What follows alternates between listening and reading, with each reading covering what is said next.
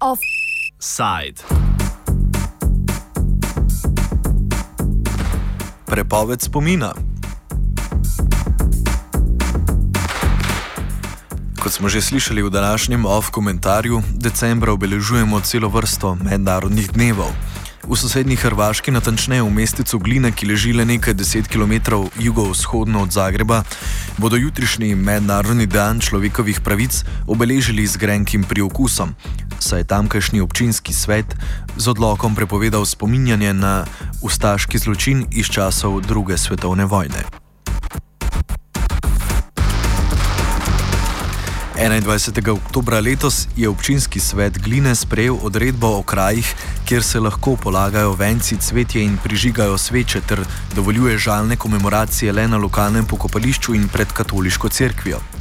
Na vides povsem nedolžna odredba je de facto prepovedala izvajanje žalnih komemoracij, ki so očitno močno zmotile tamkajšnje občinske svetnike.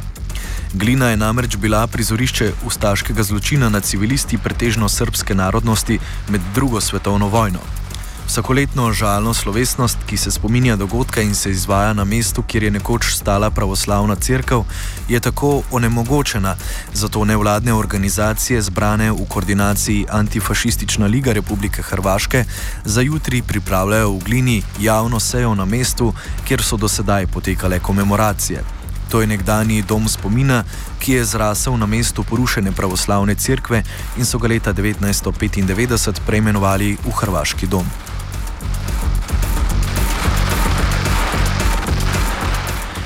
Namen jutrišnje seje Hrvaške antifašistične lige na prostem nam pojasni Aneta Lalič iz Srpskega narodnega sveta na Hrvaškem.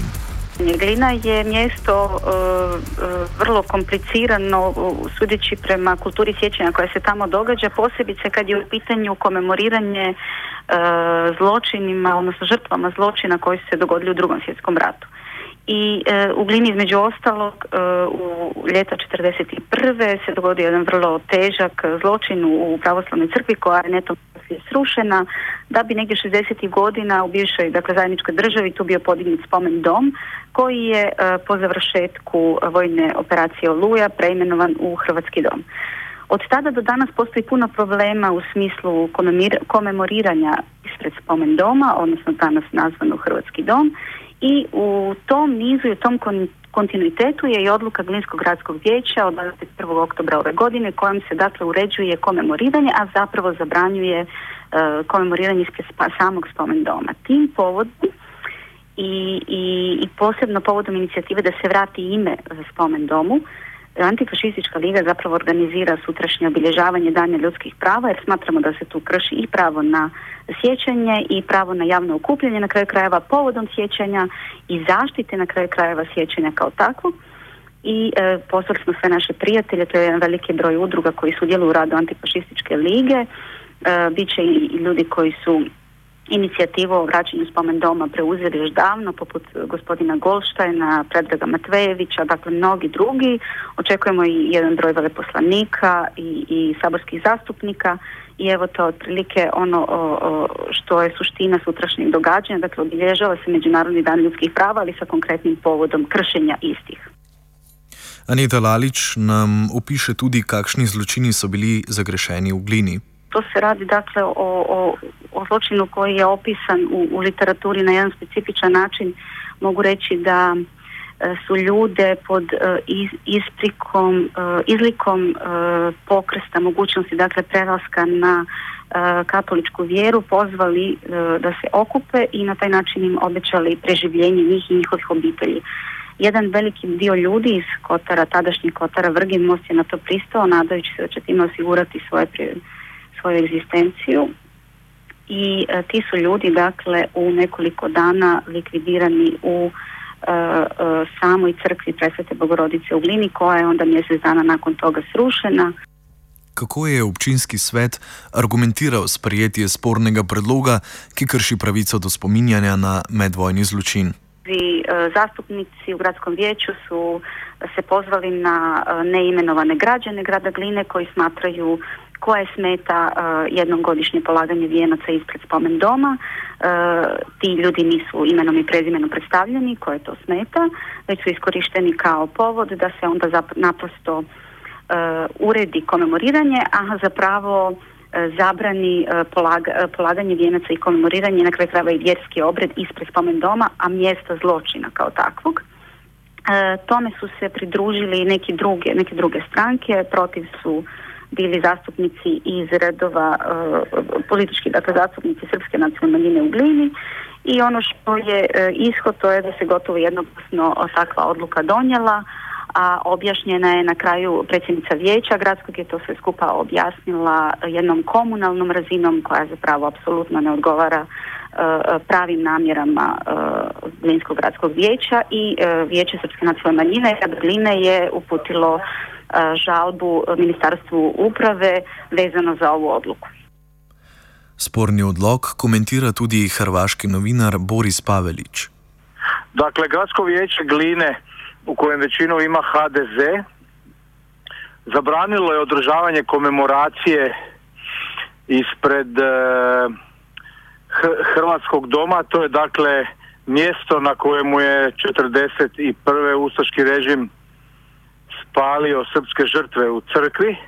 Oni su to objasnili nekim formalno birokratskim razlozima, hajde da, da tako kažemo, premda je slobodoljubiva javnost e, sa, sa zgraženjem primjela tu njihovu zabranu jer, jer se tumači da je riječ zapravo o zabrani odavanja počasti srpskim žrtvama ustaškog režima.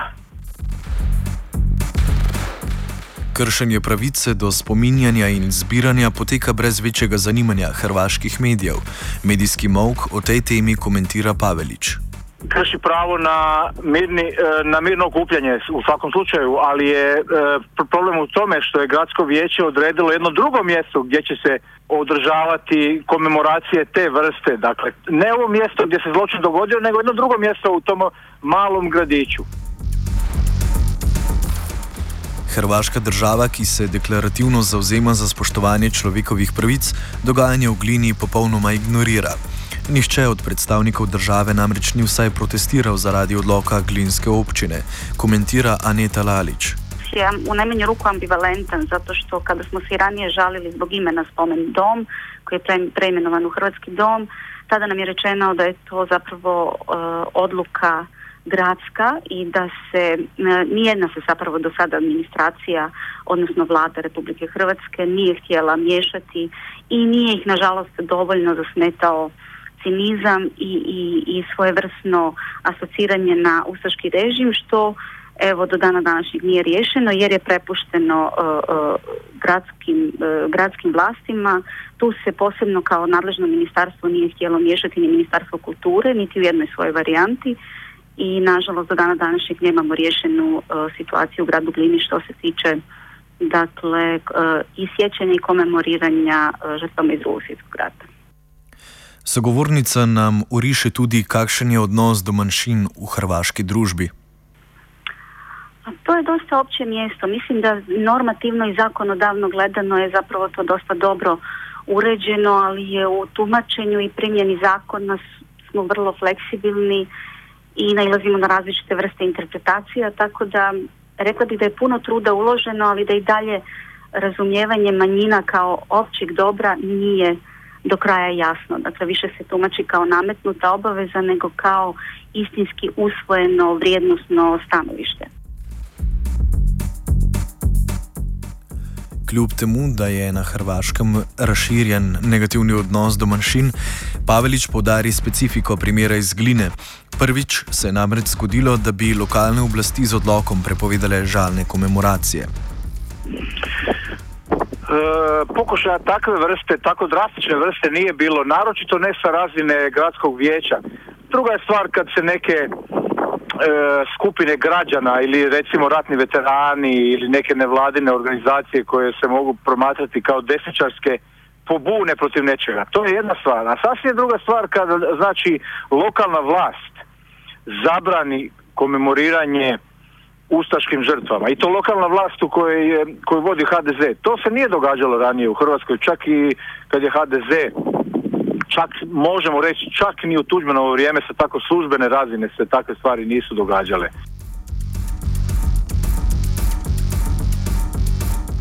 Offside je pripravio Dejan Janković.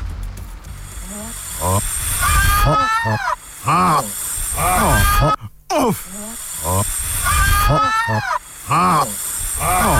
Offside.